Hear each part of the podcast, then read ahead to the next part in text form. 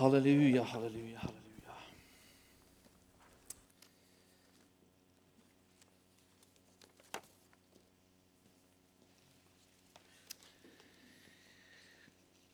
Det er så godt med Herrens nærvær. Der er det, der er det liv.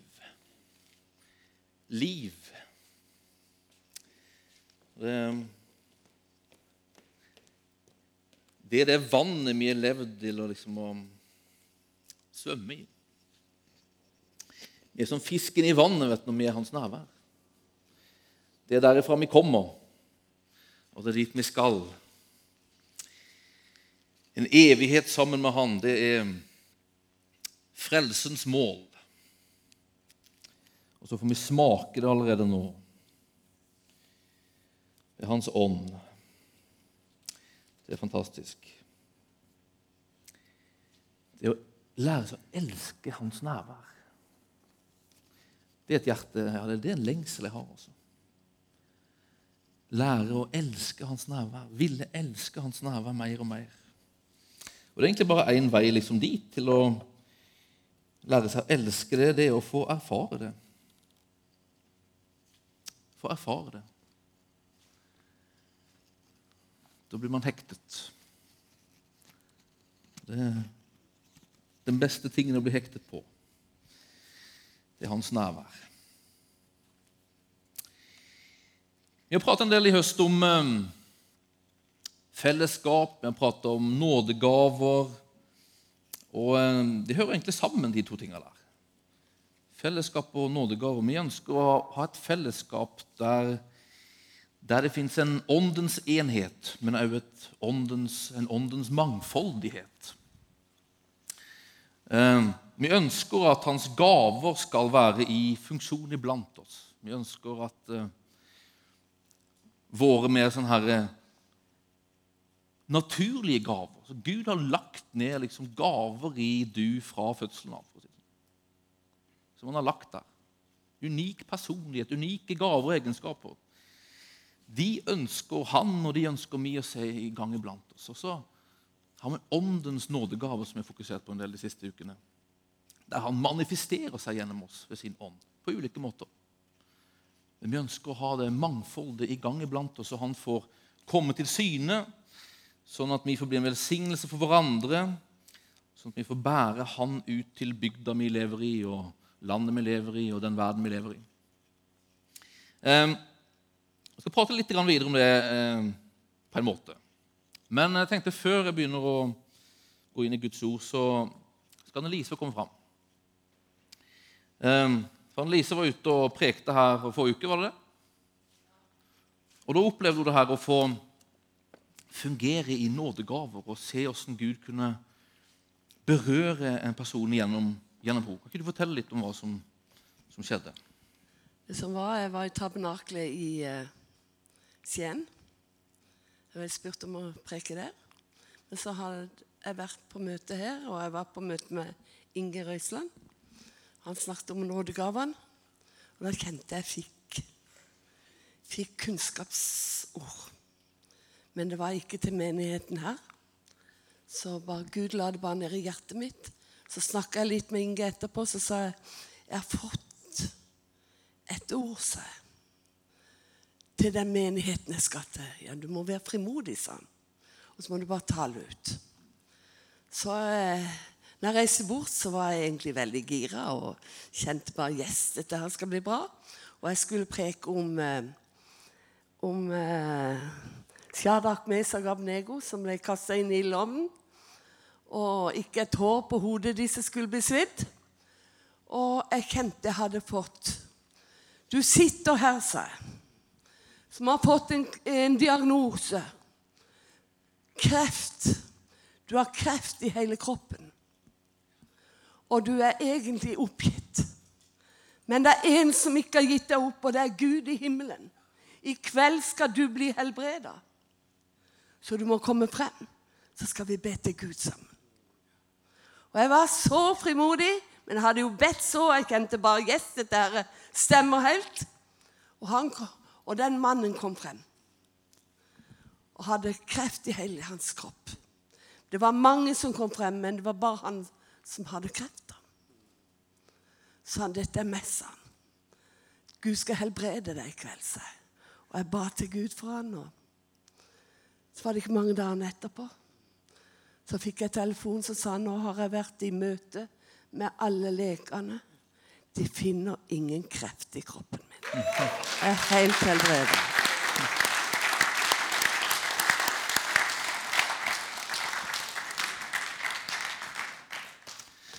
Det er fantastisk det der også, å bli, eh, bli brukt av Gud. Men det er jo sånn at det, det kan jo kjennes skummelt, det der. altså. Man kjenner man får et om man Kan det virkelig være Gud? det der? Kan det virkelig være Gud? Og jeg bare kunne prate med Inge, få litt oppbacking, og så, og så våger så våger Annelise og så våger å gi det her ordet. Med den liksom eh, risken at eh, kan føle at hun dummer seg litt ut hvis ingen liksom er der. som har det. Men risken, tar hun risken, våger liksom å ta risken, gi det, og så får hun med på hva Gud gjør. Altså. Og Det er det som er greia for oss. altså. Vi får lov til å være med på det Gud gjør. Altså. altså det var jo ikke på Annelises skuldre. Det var ikke sånn at Gud legger et ord på henne for liksom, Nå legger jeg den kreftbyrden på dine skuldre, Annelise. Vær så god. Bær den, ta den, se hva du kan gjøre med den. Det er ikke sånn Gud gjør det. Det er ikke derfor han gir en sånn kunnskap altså en sånn kunnskap om en person som ikke hun kan egentlig vite, som bare Gud vet. Nei, det er for at hun skal få være med på det han gjør. Det hun gjør, det er å gi ordet. Og så når han kommer fram, så ber hun en bønn, kaster seg på Gud. Og så gjør han et under. Og så får vi være med. Det er fantastisk. Theodor og Sandra har bakt boller i dag. Og eh, Theodor han var med. Han er jo alltid ivrig de første fem minuttene. Så han var med, og Sandra liksom målte opp og Theodor fikk helle oppi og stå og se på. Og så når de hadde liksom, var heva ferdig, og sånn, så fikk han lov til å bidra med sin lille kjevle. Sånn lite grann, Og så fikk Sandra liksom dekke til det og rette til det. Og sånt der. Og så steikte bollene, og så var bollene ferdige. Jeg satt nede, og så når bollene er ferdige, så, så, så ville de ha meg opp da, for, for, å spise sammen med dem. Og så roper Theo ned. 'Pappa, pappa, jeg har bakt boller!' 'Jeg har bakt boller.' 'Ja, hva, har du bakt boller?' Så, 'Ja, jeg har bakt boller.' Kom opp og spiste der og satt og om det her var gode boller, sa jeg. 'Takk', sa Theodor. Takk. Jeg tenkte der har du det. Det er akkurat sånn det er. Altså. Vi får være med med vår lille greie. altså. Vi får bringe liksom til Gud det vi har og så få være med på at han gjør store ting. Altså, Jeg tror det her med å, det å være en del av hans rike, det handler om å være et lite barn. Jeg tenkte på det det står i, i Markus 10. Jeg kan lese det før vi egentlig kommer til denne teksten jeg tenkte vi skulle um, ta utgangspunkt i. Så står det Markus 10 når, Jesus velsigner barna. Så står det Så sier han når han har velsigna barna, så, så, står det sannelig sier jeg dere, den som ikke tar imot Guds rike slik som et lite barn, skal ikke komme inn i det. Det er nøkkel, det her. altså. Det å komme inn i Hans rike, det å få være med i Hans rike, det handler om å bli som et lite barn. Denne barnslige tilliten til Gud som vår mektige far.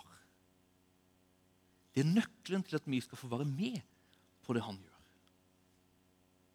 Hvis vi tenker oss at nå er det opp til oss, nå er det vi som skal tre ganger med mine enorme gaver og mine liksom enorm åndelighet og dyktighet, da, du, da, da hindrer du han i å gjøre noe gjennom ditt liv. Men om du sier 'Jeg vil være med', 'Jeg kommer med det jeg har', 'Jeg vil gå dit du leder meg', 'Jeg vil si det du påminner meg om', jeg vil gjøre det du viser meg, påminner meg om. I tillit til ham. i en sånn hjelpeløs avhengighet av ham. da får vi være med. Da kan Han få lov til å virke gjennom våre liv. Og vi kan få være en velsignelse som Han har tenkt at vi skal være. Vi får være med på det Han vil gjøre rundt oss. Vi får erfare det Han vil gjøre i oss. Nøkkelen er at vi blir som et lite barn. Blir som et lite barn.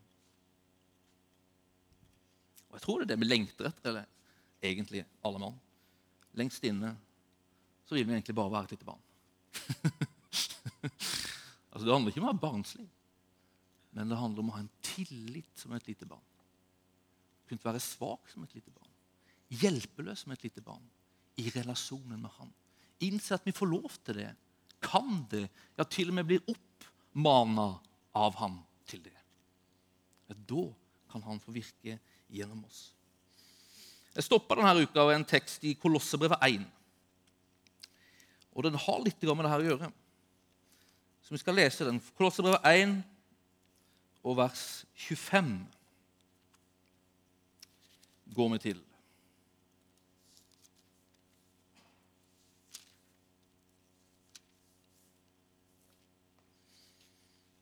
Paulus skriver jeg er blitt en tjener for Kirken i kraft av den forvalteroppgaven Gud har gitt meg hos dere, å fullføre tjenesten med Guds ord. Det mysteriet som har vært skjult gjennom alle tider og for alle slekter, men som nå er blitt åpenbart for Hans hellige. Gud ville kunngjøre for dem hvor rikt og herlig dette mysteriet er for folkeslagene. Kristus er blant dere, håpet om herligheten. Det er ham vi forkynner og vi rettleder og underviser alle mennesker i den fulle visdom, for å føre hvert menneske fram til modenhet i Kristus. For å nå dette målet arbeider og kjemper jeg i hans kraft, den som virker i meg med styrke. Jeg satt med denne teksten, og når jeg, når jeg liksom, eh, sitter med sånn tekst, og så, så har jeg en tendens til liksom å liksom, grave og grave, grave, grave, grave. Og her var det liksom en sånn bunnløs tekst. altså. Så hvis du har et eh, langt, godt bibelstudium, så skal du studere den teksten der. Men jeg skal prøve liksom å ikke gå altfor dypt. Men Paulus han sier her jeg holder på å forvalte den tjenesten som Gud har gitt meg. Det er en ordets tjeneste, sier jeg. Jeg har blitt en tjener for menigheten i å formidle det som Gud har holdt skjult gjennom alle tider og alle slekter, men som nå er blitt åpenbart for Hans hellige. Hans hellige det er jo de som tror. Det er du som tror på Jesus Kristus. Du er en hellig. Gud, han har åpenbart noe for oss. Han har liksom avslørt en sånn hemmelighet for oss, og han vil avsløre en sånn hemmelighet for oss gjennom det Paulus skriver hemmeligheten, sier Paulus. Det er, I denne oversettelsen står det Kristus Kristus Kristus er blant dere. Håpet om herligheten. Det er egentlig en dårlig oversettelse. Jeg tror Bibelen og Guds ord har Kristus i dere. Stemmer det? det som har den. 88. Kristus i dere. Det er egentlig det det står. Kristus i dere, håpet om herlighet. Det er hemmeligheten. Kristus i dere, håpet om herlighet. Si det. Kristus i meg, håpet om herligheten. Si til naboen din. Kristus i du, håpet om herligheten. Hva er det der? Hva handler det om? Det handler om en herlighet. Herligheten, Når Bibelen prater om herligheten, så er det nærvær av Gud. Det er der han er fullt og helt til stede. Egentlig så kan du si det er himmelen. Det er himmelen.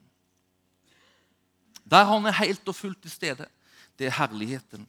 Kristus i oss, det er håpet om herligheten. Av og til når vi prater om håp, så, så blir folk litt sånn tenkt at det der er en svake greier. Er det bare et håp du har? For håp for oss er noe sånn litt sånn usikkert. er det ikke det? Altså, det er sånn kanskje, kanskje, som vi tenker så her ah, Det at Kristus er i meg, det, det gjør at jeg kanskje ah, jeg kanskje kommer til himmelen. Kanskje liksom, kanskje det fins et håp. Kanskje det fins en himmel. Men når, når, Paulus prater om håp, så er det ikke håp som er på den måten. Det er en håp som handler om en forventning. Det er en forventning om noe godt som skal komme. Det er når Bibelen prater om håp. Det er en forventning om noe godt som skal komme. Det er å ha fått en mulighet for noe godt som skal komme med til del. Det er håpet. Du vet, Kristus i du, du det innebærer at du har fått en framtid som handler om herligheten. Det handler om at du kan ha en forventning om en herlighet. Det handler om at du, ha en, en, du har fått en mulighet til å få erfare herligheten. Og Jeg tror at det er Kristus i oss, håpet om herligheten, det innebærer tre ting jeg har tenkt på. Det første er det innebærer at jeg og du som har Kristus i oss, vi har fått et håp når det gjelder den kommende tiden. Den kommende tiden. Den som har tatt imot Jesus Kristus, har fått han boende i seg, i våre hjerter gjennom Den hellige ånd. Ja til Jesus det innebærer at han kommer og tar sin bolig i oss gjennom sin ånd. På den måten så bor han i oss. Paulus prater jo ofte om at vi er i Kristus men det er like mye at han er i oss. Så det som Paulus prater om her, det er at dere har tatt imot Jesus. Dere at dere har fått Hans ånd boende i hjertet. Det innebærer at dere er bærer av et håp om herligheten. Håp om himmelen. Og det innebærer at dere har et håp. Dere en, kan ha en forventning, en trygghet, om at dere får del av himmelen når denne tidsalderen tar slutt. Bibelen taler om at det her livet her på jorda det har to utganger, bruker man å si. Den som tror på Jesus Kristus, har en evighet i vente i fellesskap med Gud. Der det er fravær av alt ondt, og det er bare godt der. Derfor at Gud er der, helt og fullt. Det er herligheten. Der Han er helt og fullt. Der det ikke er plass til noen ting annet enn Han som er den gode. Det er himmelen, som vi har i vente, som har tatt imot Jesus. Bibelen taler om at det finnes en annen utgang. For den som ikke har tatt imot Jesus som sin frelser, så venter det en evighet borte ifra Gud. Borte ifra herligheten. Og der er det fravær av alt godt. Og der er ondskapen til stede helt og fullt det vi kaller helvete. Dette er, der er alvoret i evangeliet. Dette er det Paulus han skriver. Dere har fått håp om herligheten, for Kristus bor i dere. Kristus bor i dere.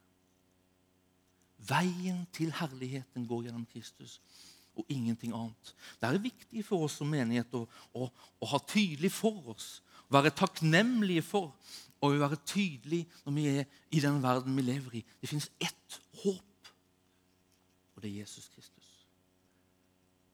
Håpet om herligheten, håpet om himmelen, den fins hos han. Men når du har han, du har du et håp som ikke er et usikkert, vagt håp, men det er en trygghet du har der. Det er en forventning du kan ha der. Det er en mulighet du har fått, som han er garantien for.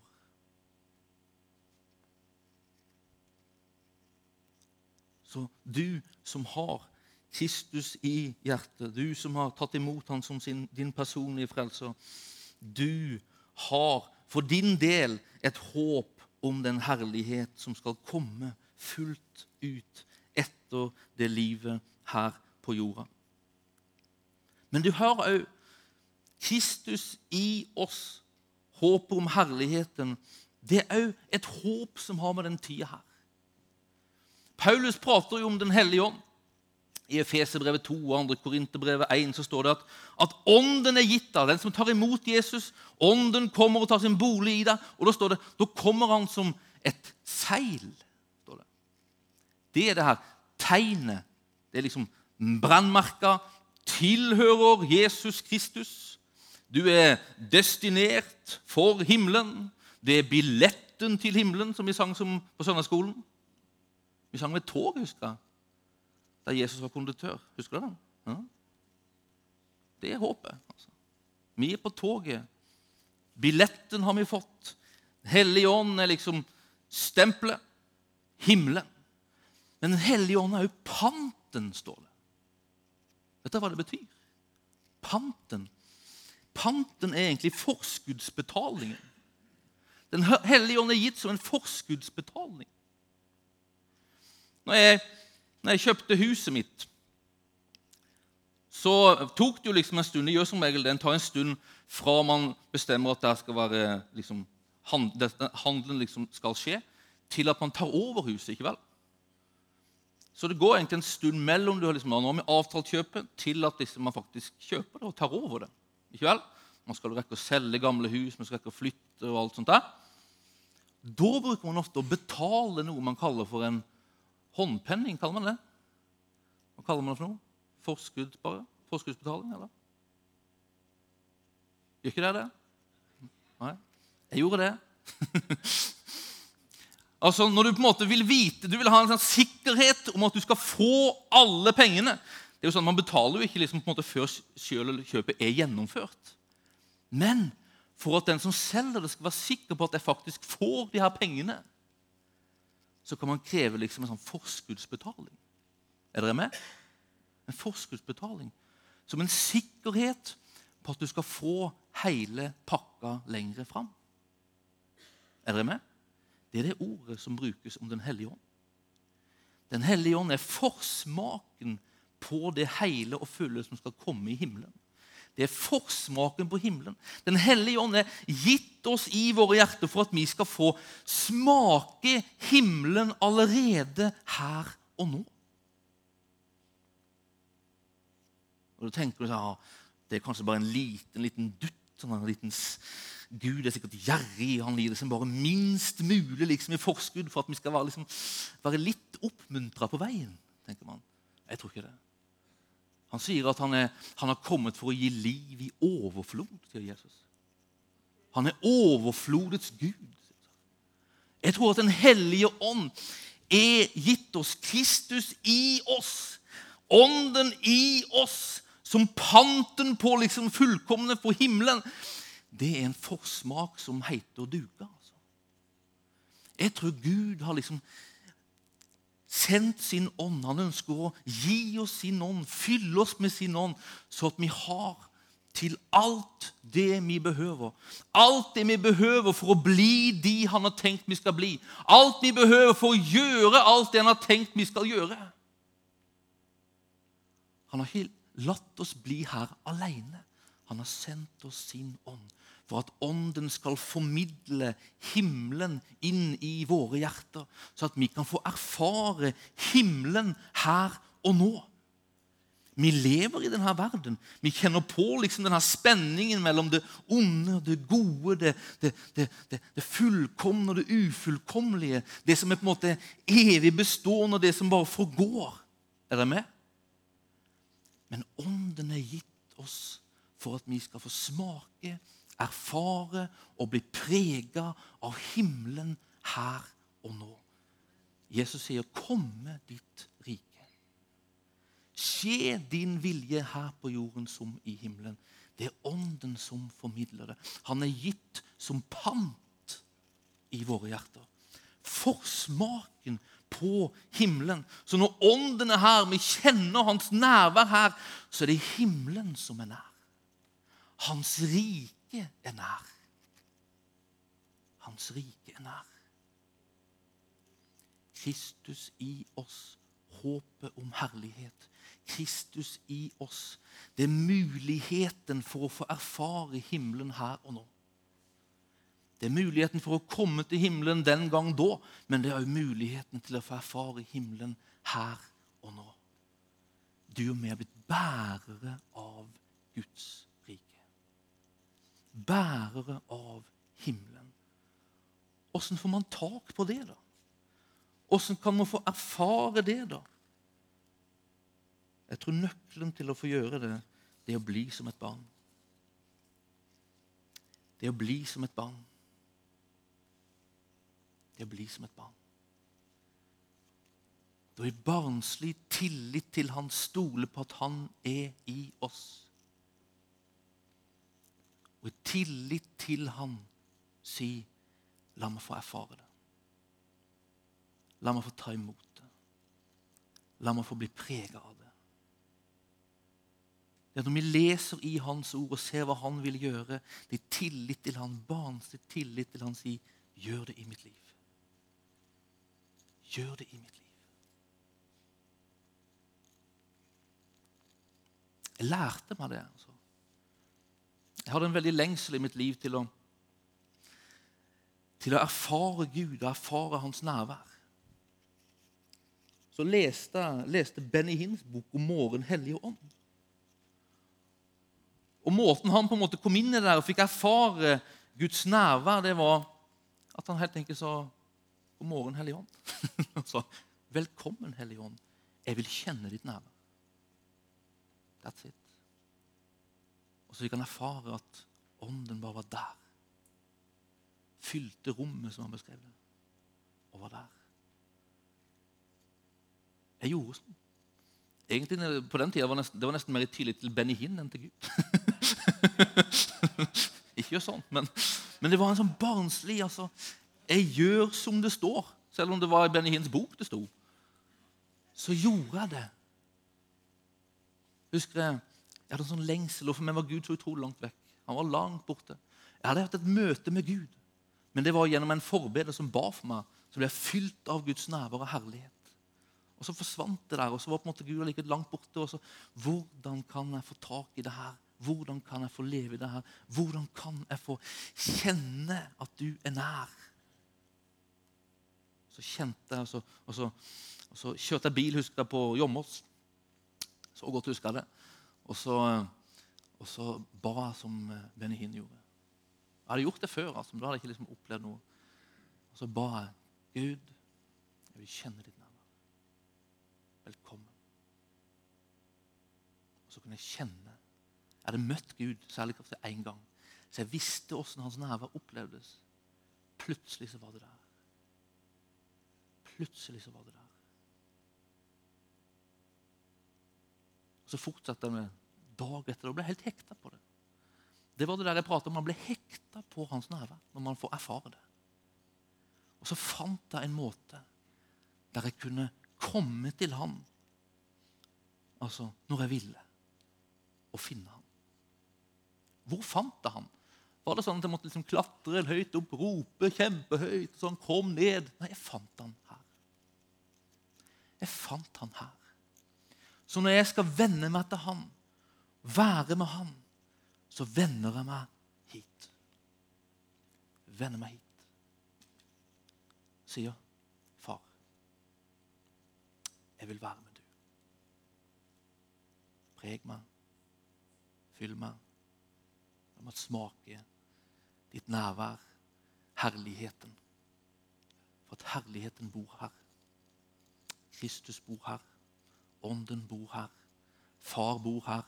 Hele guddommen har tatt en bolig her gjennom Den hellige ånd. Han er nær. Kristus i oss gir et håp, en mulighet til å få erfare himmelen, herligheten, her og nå. Og det er det som preger oss, det er det som, som forandrer oss. Det er det som gjør oss til de han vil ha oss til å være. Og han har lagt mer enn nok der til at vi kan bli de han vil at vi skal være. Hvordan blir vi de han vil vi skal være? Ved å venne oss til han som er her. Kristus i oss. Håpet om herlighet. For det tredje så er Kristus i oss òg håpet om herligheten for mennesker rundt oss. Vi er bærere av herligheten. Og Gud ønsker ikke bare å virke i oss. Han ønsker ikke bare at vi skal få oppleve og erfare han her for vår del. Det er begynnelsen.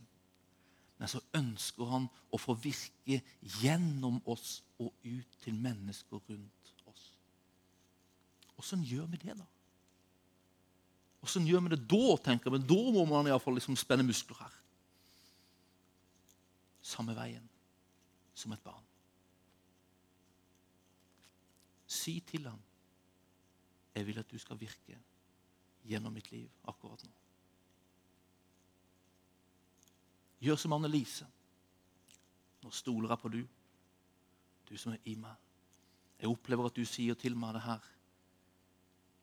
Jeg gir det du har gitt meg. Tilliten, den barnslige tilliten gjør at man får erfare riket og formidle riket. Jeg husker min gamle pastor. Han, han lærte meg noe når det gjelder å betjene mennesker. Han er en ganske enkel mann. Altså, han er veldig bra og veldig enkel. Han sa så her når, når jeg ber for mennesker sånn, så er det helt og fullt avgjørende at jeg bare fester tillit til at Gud gjør det jeg ber han om. Så når han ba for mennesker at de skulle bli fylt, så, så, sånn, så bare legger jeg handa der og så bare stoler jeg på at han fyller. Stoler på at han fyller dem. Det er så lett det her at vi skal be for mennesker. Å, hvordan skal det her gå? Hvordan skal jeg klare det? Hvordan skal, hvordan skal jeg liksom Men nøkkelen er som et barn stoler på at han gjør sin del. Det å komme med våre fisk og vårt brød, som på en måte i det sammenhengen vi står ikke rekker så mye til. Legge det i hans hender, og så i tillit til han be han velsigne det. Vi er kalt til å legge hendene på mennesker. Vi er kalt til å tale med mennesker. Vi er kalt til å smile til mennesker. Vi er kalt til å være gode mot mennesker. Vi er kalt til å gjøre ting som i seg sjøl ser ganske skralt ut. Hva kan et hei på butikken gjøre? Hva kan et smil gjøre? tenker at Skal det være noe, så må det være noe veldig heftig. Det må være, det må være et kunnskapsord, det må være en preken. Og alt det der er kjempebra. Men det er òg de små tinga kan være ting som Gud kan få marinere med sitt nærvær. Og bli synlig for mennesker gjennom. Hvis vi gir barnslig tillit til Hans side, la mitt smil være ditt smil. La mine hender være dine hender. La min vennlighet være din vennlighet. Som et barn. Velge å komme med det man har, selv om det ser lite ut. Jeg hadde en interessant prat i Sverige når jeg var der sist i vår. Så hadde jeg en prat med en, en av ungdommene vi hadde der henne. Og Han var ganske, liksom, hadde en ganske dårlig og tøff periode i sitt liv, men han har møtt Jesus og tatt imot frelsen. Men han kjemper veldig liksom, med det intellektuelle i ved troen og problemer liksom, med å få ting til liksom, å henge i hop sånn i hodet. Det kan være vanskelig. Og det kan være en felle. Og for han så er det en sånn felle som gjør at han liksom, i perioder liksom, kjenner troen er ganske veik. altså. Og så var det sånn periode han var i det i vår, og så, så kom han til Vi satt der og prata midt på dagen, og så kom han liksom helt sånn her så, Jeg må fortelle, jeg må fortelle. Da hadde han sittet med en kamerat, og han, han sa jeg, jeg sliter masse med tvil og greier om dagen. Det, det minste liksom, det, det aller helst ikke vil, på en måte, det minst vil det er å prate om Jesus med folk. Men så satt de der, og så Denne kameraten har hatt det ganske tøft. Så jeg satt de der, og så, så satt de der liksom og prata om hvor tøft det var, og vanskelig det var. Elendig det var. Du, man kan komme inn i sånne trolig negative spiraler. Og det var det som denne eh, ungdommen sa. Det det, jeg kjente jeg bare måtte si noe liksom, over hva Jesus har gjort i mitt liv. Altså. For det, det, ble liksom for dumt å sitte der bare liksom, og grave seg ned. Sånn, sånn. Så jeg, sa, jeg satt der med bøyd, bøyd hode, bare kikka ned og hadde liksom veldig lite frimodighet. Men jeg sa liksom bare fortalt hva, hva jeg opplevde, hva som var hans håp. Da, For han har jo et håp hele veien. Liksom, Jesus. Han skulle Så fortalte bare hva Jesus hadde gjort, og åssen han hadde berørt livet hans. og hvem Jesus var. Så, sånn, så kikka jeg opp når jeg var ferdig. Så sitter denne gutten og gråter. Og sier 'Fortell mer, fortell mer'. Det er det her jeg lengter etter. det her jeg vil ha. Akkurat da sa han, så, så, så satt de der og prata, og så, så prata vi ja, jeg vil ha det der, jeg vil ha det her. og så ba han en kortbønn, og så tok han imot Jesus. og så avtalte vi vi skulle måtte gå på jobb, sa han. Så, så jeg avtalte vi skulle prates i kveld. han ville vite mer, han ville vite mer. Men han kom så Åssen, liksom, kan Gud bruke meg? Som egentlig liksom bare vil holde avstand og liksom ikke få ting til å gå i hop og, og liksom tviler og alt sånt der. Men han brukte Gud for å nå inn til det mennesket. Han måtte åpne munnen sin. Han måtte si det. Men det var ikke noe sånn at en kjente seg å, nå er det en troshelt som her preker. og Det er av alt fra liksom, ja, seier gjennom hele livet. Og, og liksom, nei, Det var så svakt og så lite. Det var så sennepskornstro som det kunne gå. Men det lille han kunne gi til Herren, tok Herren, velsigna det berørte en annet menneske og førte den personen hjem. Vet, det vi har Uansett om vi kjenner oss sterke eller kjenner oss svake Hvis vi gir det til Han, en barnslig tillit til Han, så kan Han velsigne det. Så vil Han velsigne det. Kristus i oss, det håpet om herligheten. Håpet om herligheten. Tilliten til han, det er nøkkelen. Tilliten til han, det er nøkkelen. Det står en historie i Apostlenes gjerninger 3.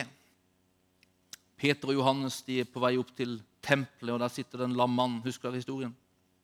Han sitter og tigger og spør om sølv og gull.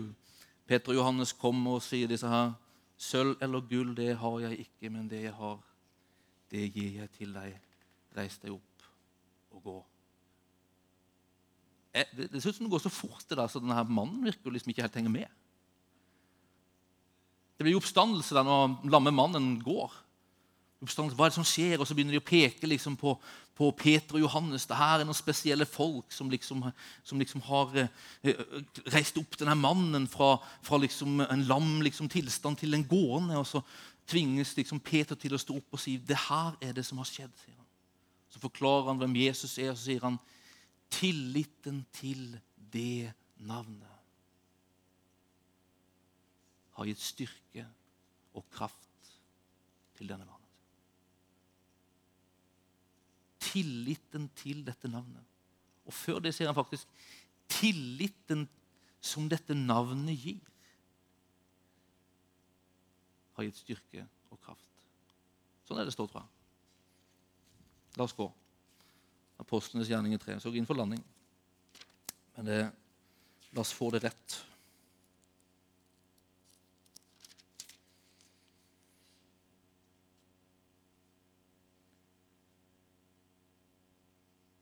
Ved troen på Jesu navn har dette skjedd.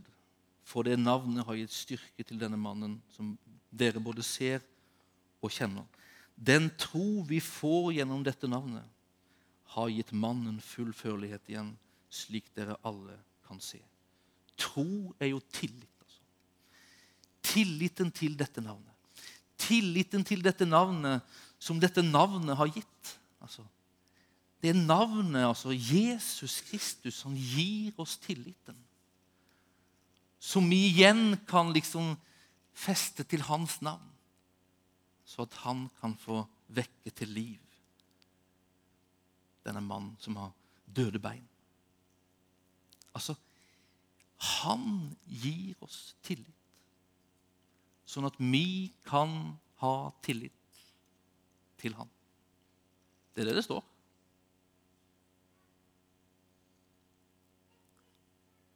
Hvis vi ingenting har, så skal vi komme til Han. Feste vår lit til Han, rope hjelp til Han. Så kan Han til og med gi oss tillit til Han. så at vi kan feste tillit til Han, sånn at Han kan få gripe inn. Der blir det ikke mye igjen til oss å gjøre. altså. Hvis vi ikke har tillit, så kan vi komme til Han som barn og rope hjelp. Da vil Han gi oss tillit, som vi kan feste til Han, så at Han kan gripe inn. Altså, Han er virkelig vårt alt. altså. Han er vårt alt. Og han ønsker at vi skal innse at han er vårt alt. Vi er så avhengig av han til alt. Paulus han sier så Jo, man blir jo frelst, sier Paulus, ved at man, ved at man eh, i, sin, i, sitt hjerte tror at Gud har reist Kristus opp fra det døde, og man bekjenner ved sitt munn at Jesus er Herre. Så sier han i 1. Korinterbrev 12 sier han, ingen kan si Jesus er Herre uten ved Den hellige ånd. Det betyr min venn, at du bør ha Hellige ånds hjelp for å kunne bli frelst. Det er bare at Den hellige ånd gir deg liksom innsikten, overbevisningen, tilliten til at han er Herren, som gjør at du kan erkjenne at han er Herre, som gjør at du kan bli frelst. Kallelsen til oss, oppmaningen til oss, det å stole på Han som et lite barn. Når vi ser på våre liv og hvor lite vi har, og, og lite og små vi er, så, så, er det på en måte en sånn sunn innsikt som han ønsker å gi oss. Ikke for å bryte oss der, ikke for å gjøre oss motløse, men for at vi skal innse at vi behøver hjelp. Når vi innser at vi behøver hjelp, og kaster oss på Han, så fins det ingen grenser for hva Han kan få gjøre gjennom våre liv.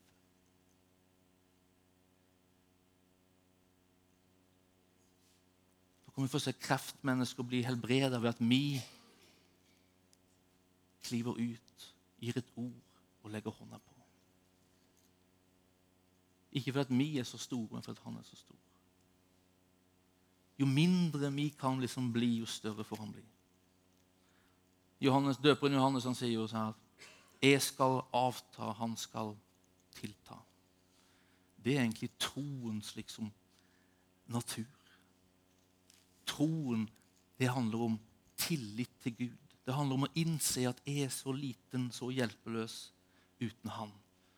Og så er det å feste tillit til Han. Det å Når du får innsikten om at jeg er så liten og ingenting har, ikke stoppe der, men feste blikket på Han og gjøre Han stor. Det er troens liksom natur. Det er det troen er og handler om. Det å våge å bli som et lite barn. Det å innse at jeg kan bli som et lite barn. Skal bli som et lite barn. Et lite barn som har en stor og mektig far. Du er ikke kalt til å være et lite barn som er aleine. For da blir du værende i din lille hjelpeløse situasjon og bare se på deg sjøl og din håpløshet. Du er kalt til å være et lite barn som er sammen med sin store far.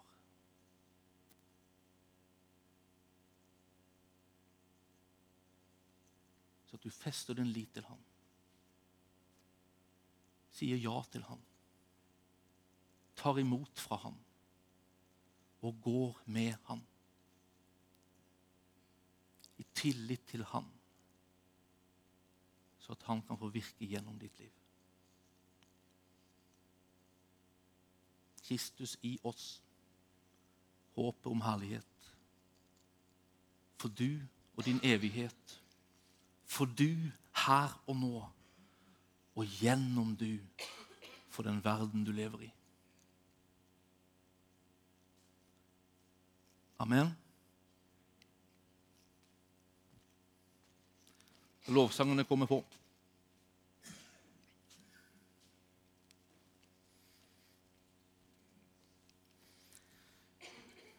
Peter og Johannes de var ingen eh, kjemper i seg sjøl. Det tror jeg de hadde innsett. Det tror jeg fellesskapet med Jesus hadde fått dem til å innse. Disiplene i seg sjøl var ingen storheter i seg sjøl. Det var en merkelig skare, egentlig. Jeg kunne tenkt på det. Fyll, fulle av liksom brister og bakgrunner som ikke liksom talte om storhet. Antageligvis relasjoner med hverandre som heller ikke alltid var helt sånn her friksjonsfrie.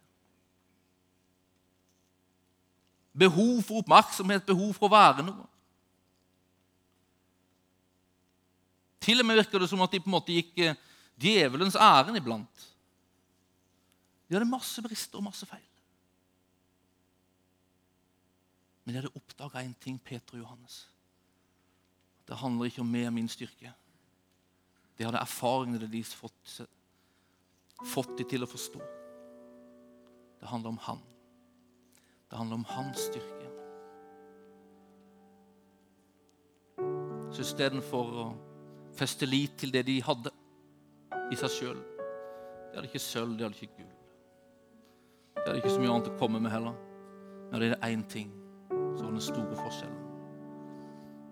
De var bærere av Kristus. De hadde Jesus. De hadde Han med seg. De hadde håp om herligheten. Så ved å sette tillit til Han, så fikk denne mannen styrke. Uten at han egentlig fatta hva som skjedde. virker det sånt. Det hadde ikke noen lang omvendelsespreken eller nå må du liksom bli en fin kristen, så skal vi se om du kan bli helbredet. Det ga det de hadde. Det du har fått for intet, gi det for intet. Var instruksjonen Jesus hadde gitt dem. Og det var det de gjorde. Og det er det vi skal gjøre. Vi skal få ta imot fra Han som et barn. Og så skal vi få gå sammen med Han som et barn. Så skal Han få lov til å bli stor gjennom våre liv.